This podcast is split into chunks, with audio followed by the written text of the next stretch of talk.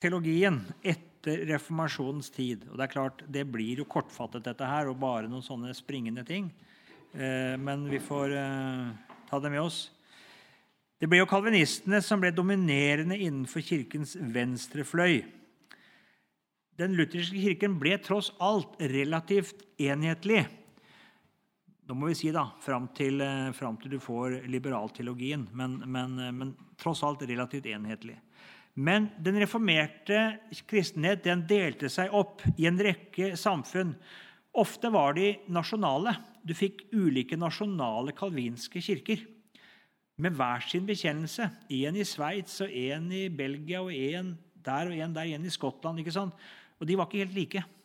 Eh, og, og, du har en rekke bekjennelsesdokumenter i Den kalvinske kirke. De har liksom ikke en Augustana eller en Concordia-bok. de har ikke det. Men de har en rekke ulike bekjennelsesskrifter som man mer eller mindre er enig i. Sånn er situasjonen. Svinglis etterfølger Heinrich Bullinger han var forstander da for den reformerte kirken i Zürich. Han nærmet seg Calvin i sakramentslæren eh, og kommer til enighet med ham da i spørsmålet om nattverden i 1549, konsensus tigurinus. Og Enigheten viser også at Calvin var nærmere en svingelig enn Luther i sakramentslæren, og at fornuft og filosofi sto over Skriften. For det gjør det her. Bullinger skrev før sin død 'Confessio Helvetica', den sveitsiske bekjennelse. Eh, og som sagt, Det blir værende Sveits sin bekjennelse, men ikke da nødvendigvis gjeldende for andre kalvinister i andre områder. Korfyrst Fredrik 3., den fromme, kunne ikke undertegne Augustana. Og På basis av Bollingers bekjennelse så fikk han utformet Heidelberg-katekismen. Og Det er det reformerte bekjennelsesskrift som er mest utbredt. Det er på mange måter ligger til grunn for mye av den katolske teologien overalt. Kalvinsk, ja. Sa jeg ikke det? Sa er katolsk? Kalvinsk, som mente ja. Så er det en belgier, Guido de Bres, som skrev i 1559 etter et besøk i Genéve, 'Confessio Belgica', som er den belgiske bekjennelsen. I Genéve ble Theodor Betza etterfølger av Calvin, og han er ortodoks kalvinist. Hos ham blir presentasjonslæren mer sentral i hele det teologiske systemet. Og Det er noe fornuftsmessig skolastisk skal jeg kalle det, over hele hans logiske, teologiske system. Gud ville fallet. Altså, det som vi kan si er typisk for det kalvinske, det er Guds majestet. Eh, og eh, Guds totale suverenitet. Gud har kontroll på alt som skjer, inntil hver minste detalj. Det betyr ikke bare at han tillater fallet, han vil det. Eh, altså det ellers så mister jo Gud kontroll. Sånn er tankegangen. Eh, og han utvalgte fra begynnelsen av noen til frelse og noen til fortapelse. Det kaller vi altså for supralapsarisk. Eh, og, og vi er noe som heter interlapsarisk. Er det supralapsarisk? Ja.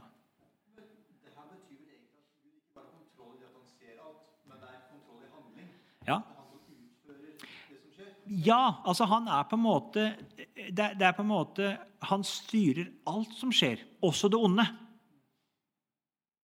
Det uten, det ikke, vi snakker ikke om Guds tillatelige vilje her, men vi snakker altså om Guds på en måte Gud gjennomfører alt. Styrer alt. Inntil minste detalj. Ja, det blir jo dypest sett det. Eh, det, det får jo et, for mitt skjønn masse implikasjoner her som jeg mener blir ganske uhyrlige, egentlig.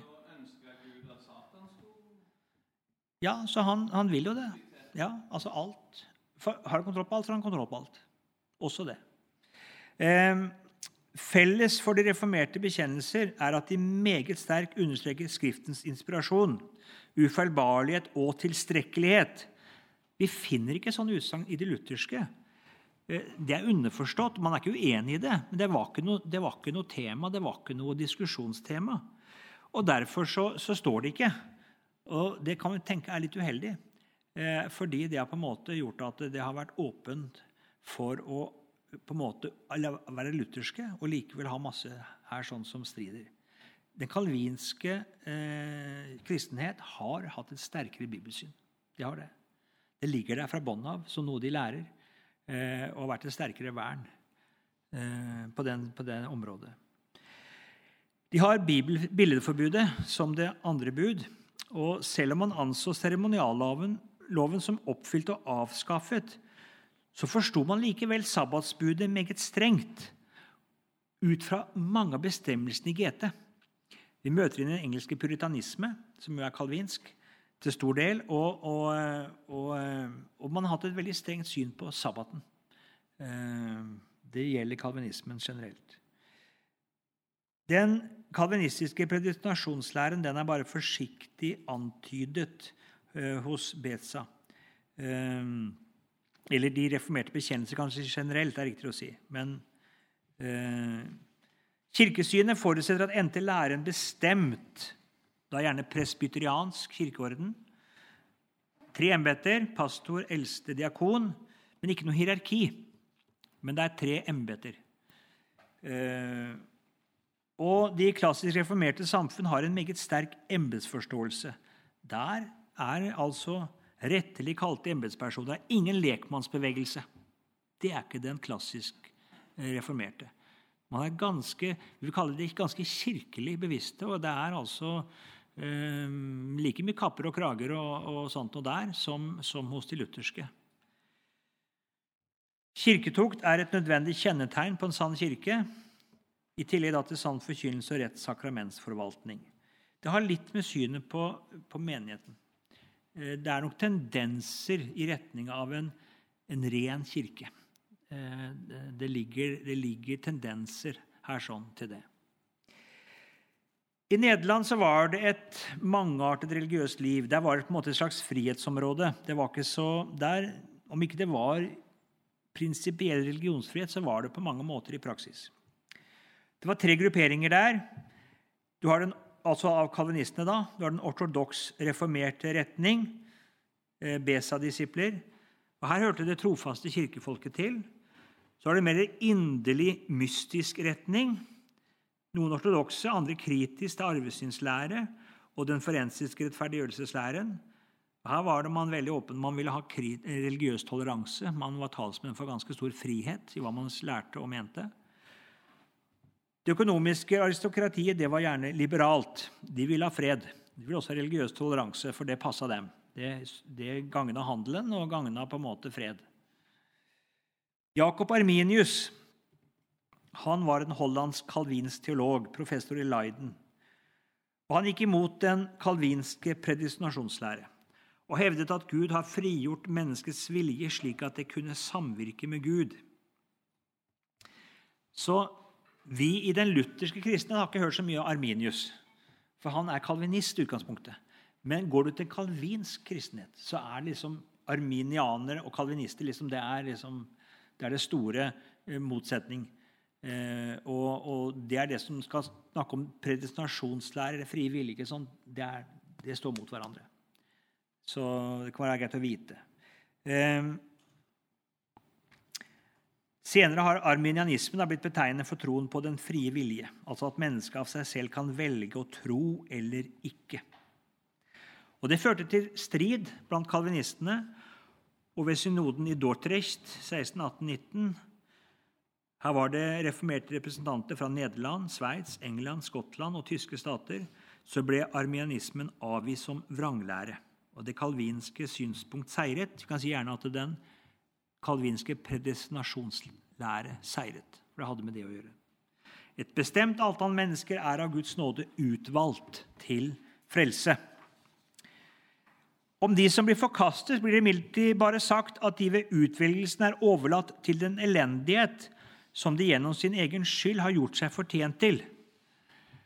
Eh, det kalles et infralapsarisk standpunkt. Det er altså ikke eh, på en måte forutbestemt. Det er ikke en ren eh, dobbelt predestinasjon. Men de er overlatt til seg selv og går fortapt, altså. For det de fortjener. Men det er ikke sagt at de er forutbestemte fortapelse sånn rett ut. Det supralapsariske standpunktet om denne dobbelte utvelgelse som fra før, før fallet, altså fra evighet av, eh, ble ikke fordømt, men har ikke vært rådende i den reformerte kirke. Man delte Dortrich-synodens beslutning i fem kapitler. Og når jeg satte den opp slik at vi møter dette typiske tulip, det vi kaller fempunktskalvinister eh, Det første at man avviser Armenius, og i det så ligger det altså total depravity. Da har du T. Totalt, altså syndeforderv. Eh, for det andre en, et ubetinget, partikulært nådevalg unconditional election. Eh, for det tredje Kristi forsoning er partikulær. altså er bare for de utvalgte. Jesus er bare død for de utvalgte. Han er ikke død for hele verden. han er bare for de utvalgte. Limited atonement, altså begrenset forsoning. For det fjerde det er et COD i, i, eh, i doktrinssynoden. Eh, kallet er partikulært, altså bare alvorlig ment overfor de utvalgte. Gjenfødelsen er partikulær. Bare de utvalgte blir gjenfødt. Og disse faller aldri fra. Irrestisible grace, altså eh, Det er altså umotståelig uimotståelig, eh, uimotståelig nåde.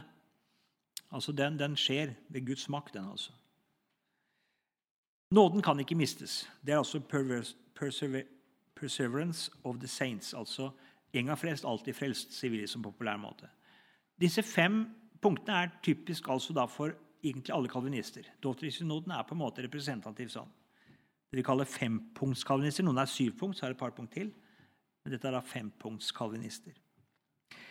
I tillegg så har Dottersynoden en rekke avvisninger av sosiniansk og svermeriske oppfatninger om arvesynden, troen og den frie vilje. Dette ble altså den reformerte kristenhets viktigste og mest omfattende synode og bekjennelse. Og den satte sitt autorisasjonsstempel på Heidelberg-katekismen. Og så avviser man Augustana. Husk på at Augustana hadde en viss rolle blant kalvinistene fram til Dottersynoden. Den, den eh, hadde en viss posisjon også hos kalvinistene, men ikke nå lenger. Nå er den avvist som vrang lære. Nå er kalvinisten helt klart en egen gruppering. Eh, visshet om å være blant de utvalgte skulle ikke søkes i spekulasjon, men i å akta nådens virkninger. En barnlig tro, gudsfrykt, et liv i helliggjørelse med troens frukt. Vi møter nok en viss innflytelse herfra i pietismen. Denne vekten på en måte å finne frelsesvissheten og finne den med grunnlag i troens frukt eh, og troens vesen, det møter vi nok en, et innslag Når Spener siterer reformerte, eller kan oversetter dem, så er det nok noe av dette som da på en måte kommer inn også. Du har Westminster Confession of Fate. Det var en bekjennelse som formelt hadde betydning for England og Skottland. Så ble den også da eh, den ble i framtida bekjennelsesgrunn for den skotske, skotske kirke og en rekke presbyterianske samfunn i USA. Og Her møter vi for første gang tanken om ulike pakter og dispensations. Den skulle komme til å få stor betydning for synet på endetida, ikke minst. Ulike tidshusholdninger, altså. Man deler historien inn i ulike pakter og ulike husholdninger med ulike måter å bli frelst på. Det var altså én situasjon før fallet, lovens pakt før fallet, nådens pakt etter fallet og fram til Kristus. Der ble man frelst ved forbilledlige ofringer. Og så er det nådens pakt etter Kristus. Frelse tro på evangeliet. Jeg skriver dette inn her, eh, men altså, jeg har møtt noen av disse her. Og det er slett, slett at det, man blir frelst på en annen måte. Vi møter dem på norsk jord. I våre sammenhenger så kan vi si det at Adolf Bjerkreim eh, var preget av dette. Han opererer med dispensations, altså tidshusholdninger. Du møter det i en bevegelse som heter Lys over land. Eller bladet heter vel det. Ikke Lys over land, men eh, Lys Nei, heter det? Lys på veien er det forlaget heter. Ikke Lys over land. Det er muslimmisjon. Men altså, i Evangelisten der har du noen. Du har altså Plymouth-bevegelsen. Eh, Kjell Dalen har skrevet bøker om Plymouth-bevegelsen. Eh, der, eh, der, vil du se en del av det. Du har sånne som eh, Hva heter disse, da? Eh, Ironside. er en av disse her eh, fedrene læremessig.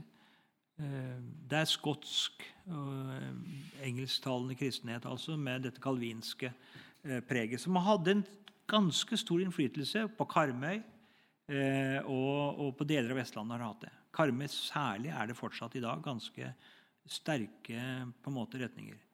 Skal være forsiktig. Eh, jeg hadde en bibelskolelærer som hadde talt, holdt en tale over Matteus 25, var det vel, ute på Karmøy. Og så syntes han at forsamlingen satt liksom og sånn småflirte av han mens han prekte. Og så var han ferdig, så sier de til han at ja, ja, det var en fin preken du holdt, men den er ikke til oss. Den er til jødene i tusenårsriket. Så, så, det var altså feil adresse. For eh, det er, ikke sant? Her deler man Skriften i disse ordene der. De er til har Jesus talt med tanke på og for jødene i tusenårsriket, så det er ikke for oss. Ungdomskoret var borte. Ja. ble det bråk. Ja. Det var en sang om å vende tilbake. Og der var du, var du frelst, så Ja. du ikke fra. Nei, ja, riktig. Ja. Så det var noen som forlot koret på grunn av det. ja, ja. Så det, det, er, det, er, det, er, absolutt Også da innenfor lutherske bevegelser, særlig på Vestlandet, så er det eh, en del innflytelser av denne dispensasjonalismen. Den, den har gjort seg gjeldende. På, og den, mye av det som læres eh, i enkelte sammenhenger eh, knytta til tusenårsriket og, og Jesu gjenkomst, det er hentet herifra. Eh, jeg skal ikke nevne navn, men jeg, mange av disse som har kanskje sterkest mening om det, er egentlig da har et synspunkt på denne tida.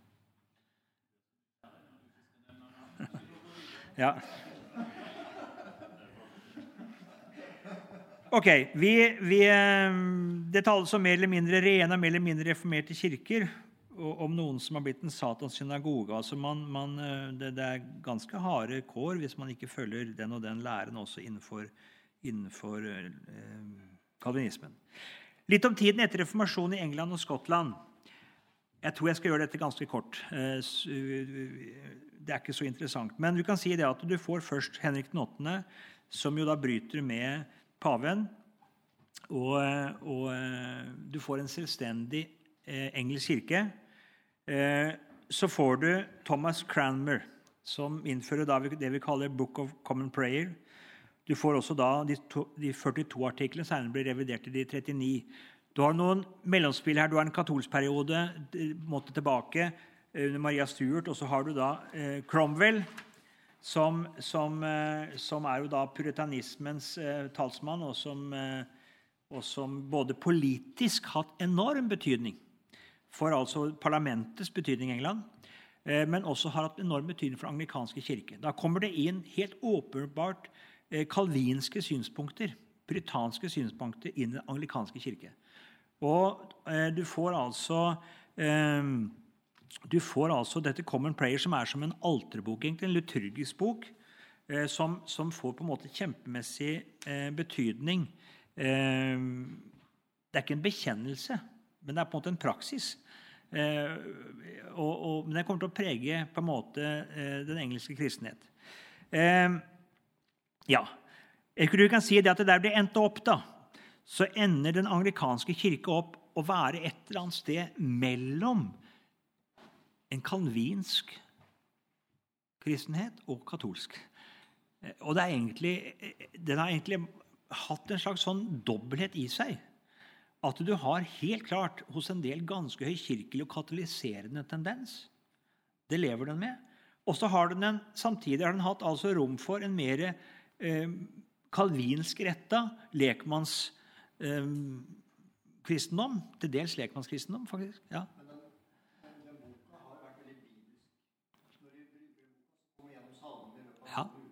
Ja. Ja. Jo da, det er det. Og det er jo typisk engelsk kristen er mye mer bibelfundert enn mange andre. Ja. Så, så eh, Vi kan si at Den anglikanske kirke er delt i dag i tre retninger. Evangelikale, som er relativt konservative teologiske, og på mange måter eh, kan stå lutherske blekmannsbevegelser ganske nær, faktisk.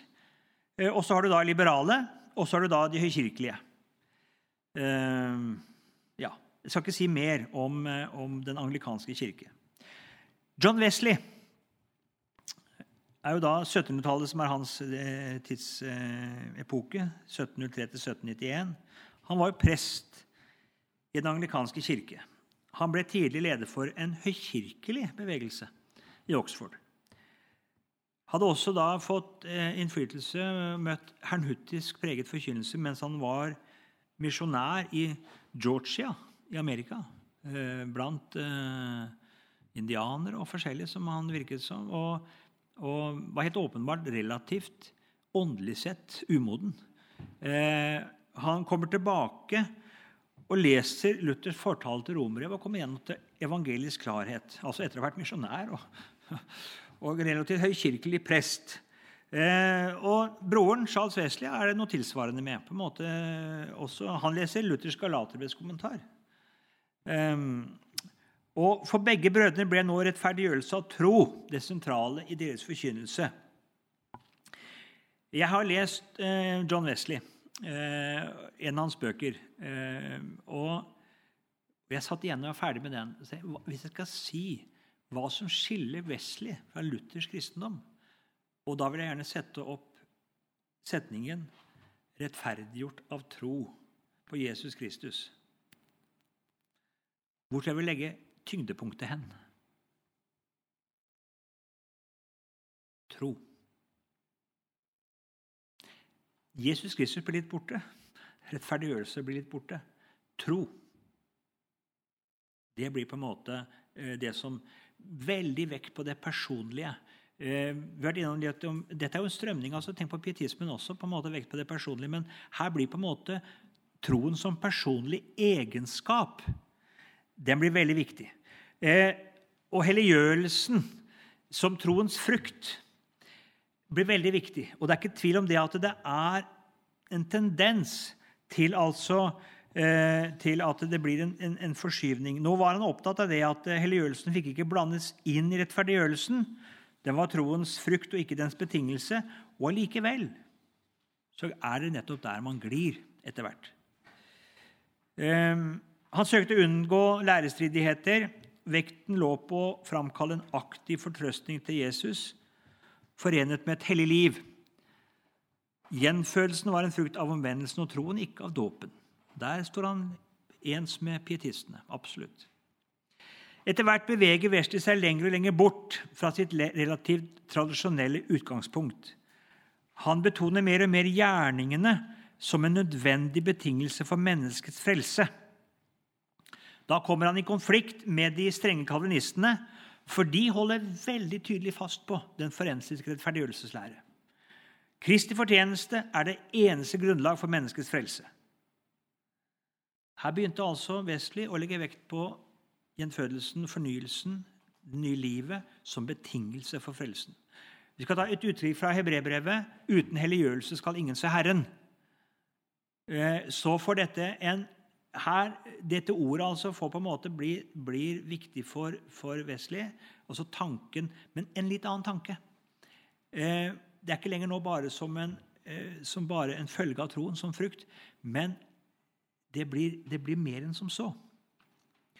Så kommer også det inn at han lærer at det er eh, mulig å få en andre velsignelse. Second blessing. En egen opplevelse av åndens dåp som fører den troende opp på et høyere åndelig nivå.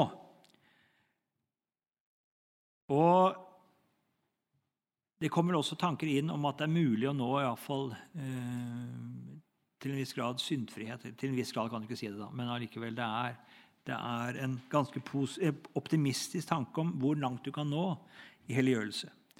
Og vekten på helliggjørelsen og den faktiske rettferdigheten i livet det kom til å bli vesentlig i mange av vekkelsesbevegelsene som fulgte i Wesleys fotspor. Han kom også til å følge arminianerne med henhold til synet på predestinasjon og omvendelsen, altså læren om den frie vilje, at mennesket var i stand til å velge om de ville tro, og ikke var predestinert. Eh, George Whitefield, derimot, Wesleys venn og medarbeider, han holdt seg strengt til den kalvinske lære om dobbel predestinasjon. De har samarbeidet med to vidt forskjellige synspunkt her. altså.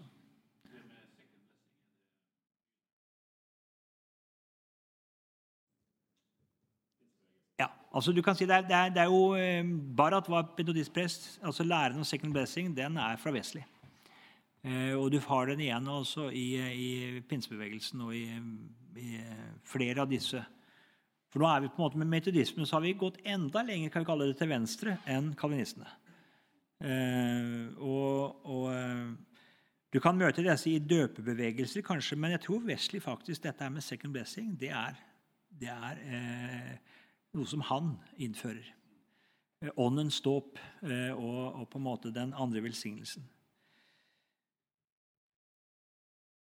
I Amerika så fulgte Jonathan Edwards eh, egentlig i samme periode, parallelt med Wesley. Han var kongresjonalist, altså at den enkelte menighet skulle ha selvstyre. Ikke noe, ikke noe synode her med flere kirker, men hver enkelt skulle ha, eh, være uavhengig. Og han fulgte i fotsporene til George Whitefield. Om ikke læremessig, så i hvert fall metodisk. Eh, og vekkelsen med Jonathan Edwards den ble kalt The Great Awakening. Og Den har vært skjellsettende. altså. Den har på en måte vært danna skole. Eh, George Whitefield var jo kjent for å være en enorm folketaler. Det ble sagt det at han uh, hadde en enorm retorisk uh, talent. Det ble sagt at hele, menen, hele forsamlingen gråt bare når hørte han si ordet Mesopotamia. altså det var liksom, uh, hadde en sånn følelsesmessig måte å uttale på som gjorde at folk begynte å gråte. Det var liksom veldig følelsesbeveget. altså.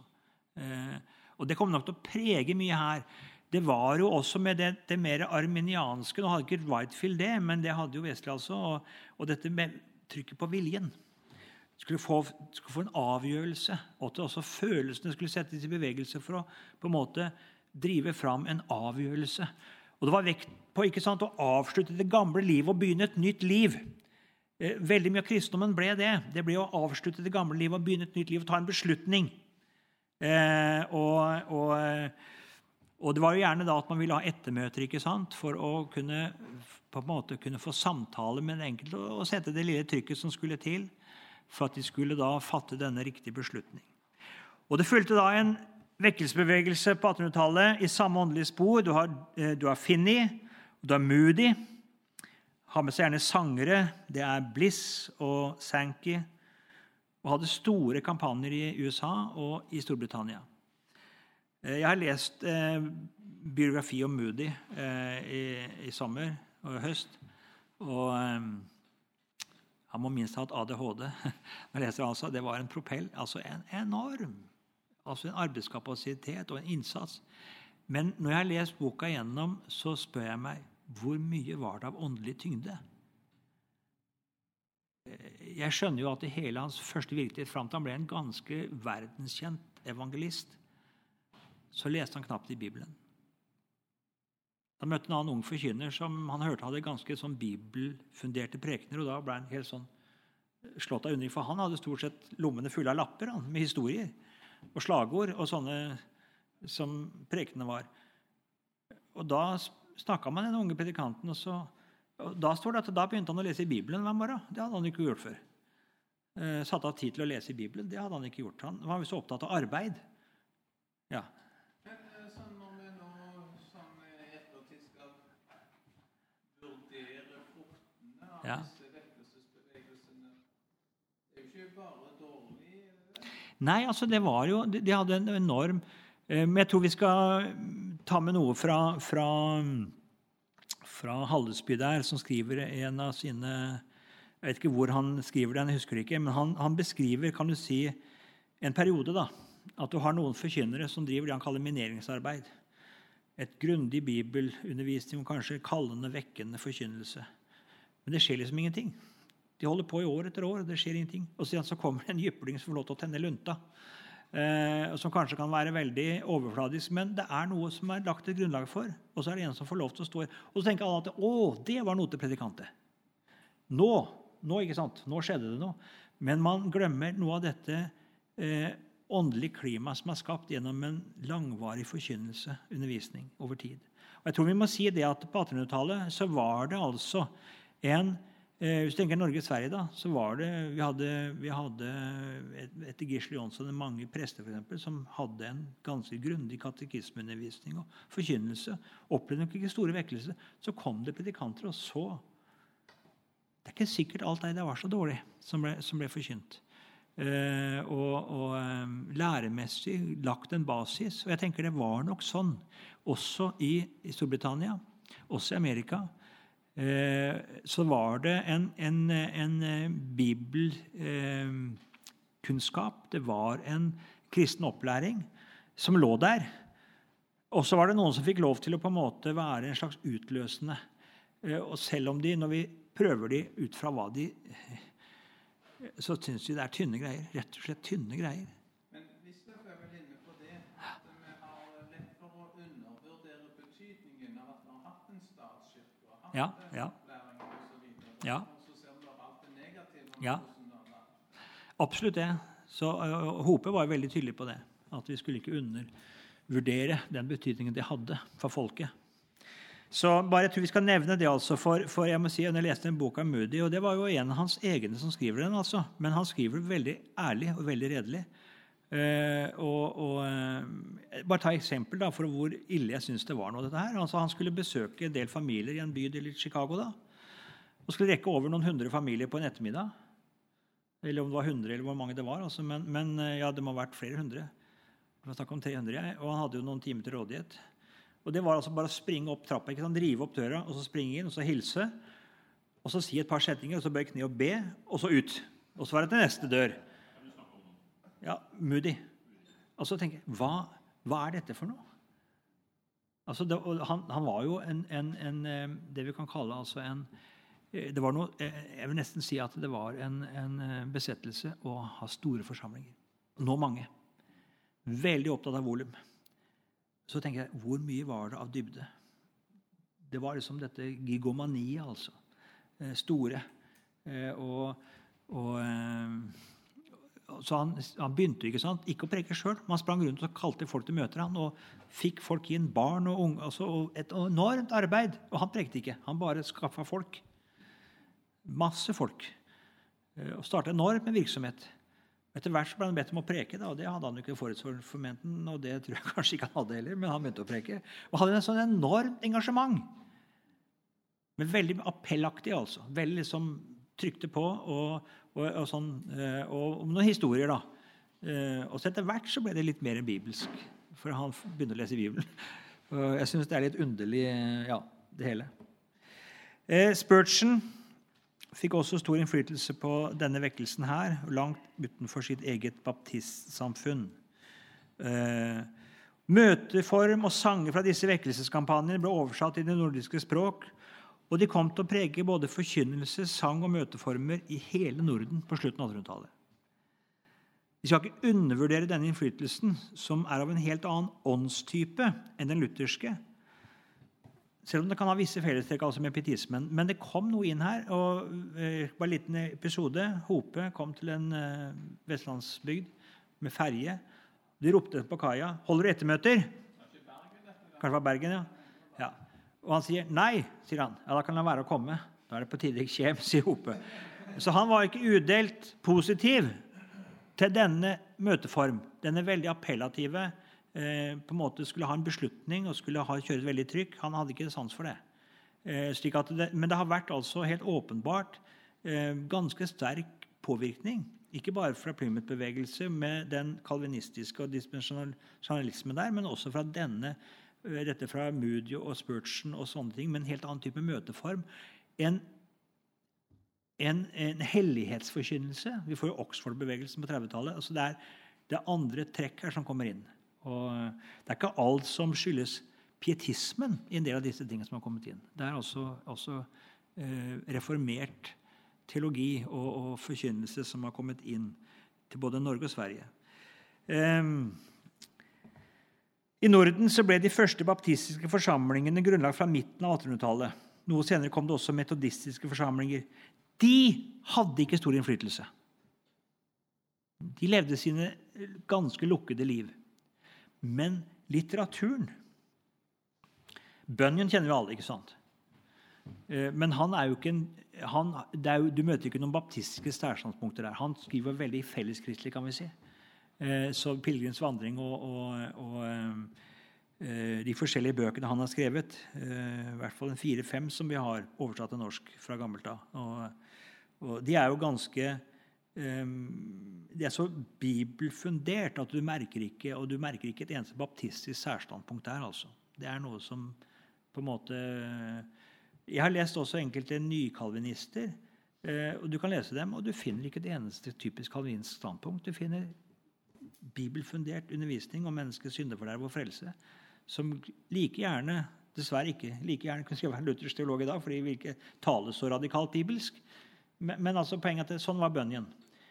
Eh, du møter nok et litt annet preg hos Moody eh, og Finney og disse. Der er det nok også, ikke minst hos Versti, da, der, da, merker du en teologisk forskjell. Det gjør det. Det gjør det ikke hos, hos Bunyan. Eh, men så litteraturen sangene hadde nok sterkere påvirkning enn disse menighetene i Norge. To skotske misjonærer som skulle til India i 1805, ble utdannet ved en evangelisk, reformert metodistisk misjonsskole i England. De stanset opp i Danmark og Sverige i flere år. Der drev de traktatmisjon og inspirerte til misjon og, og bidro til opprettelse av både det danske og svenske bibelselskap etter modell fra det britiske britiske bibelselskapet som var stiftet i 1804. Det skal vi ikke eh, se bort fra. Det var viktig. Altså Bibeltrykningen og bibelspredningen i Norge, Sverige og Danmark den kommer på mange måter fra det britiske bibelselskapet. Via disse misjonærene som inspirerte til det. Eh, en engelsk industrileder og metodist som fra 1806 bor og virker i Stockholm, han søker å få en metodistprest fra England. Det lykkes med han med i 1826. og Senere så kommer metodisten George Scott overtar dette arbeidet i 1830. Og Det er på mange måter en fortsettelse av det type arbeid som de to skotske misjonærene da hadde bedrevet noen år tidligere. Traktatmisjon, bibelspredning, avholdssak, ytremisjonsmøter, misjonsblad, societies, altså konventikler, ville vi kalle det altså, men i metodistisk ånd. I 1840 blir den engelske kirken i Stockholm innviet, den som senere skiftet navn til Betlehemskirken. Og så ble den kirka som Rosenius særlig talte i. Det var tiltenkt en metodistisk menighet. Jeg kommer tilbake til dette seinere. Flere steder i Norge leste man om de skotske presbyterianerne, om presbyterianismen. Og frikirkelige tanker kommer litt inn fra denne, fra denne kretsen der. Ja, det skal vi også komme tilbake til. Dermed gir vi oss. Eh,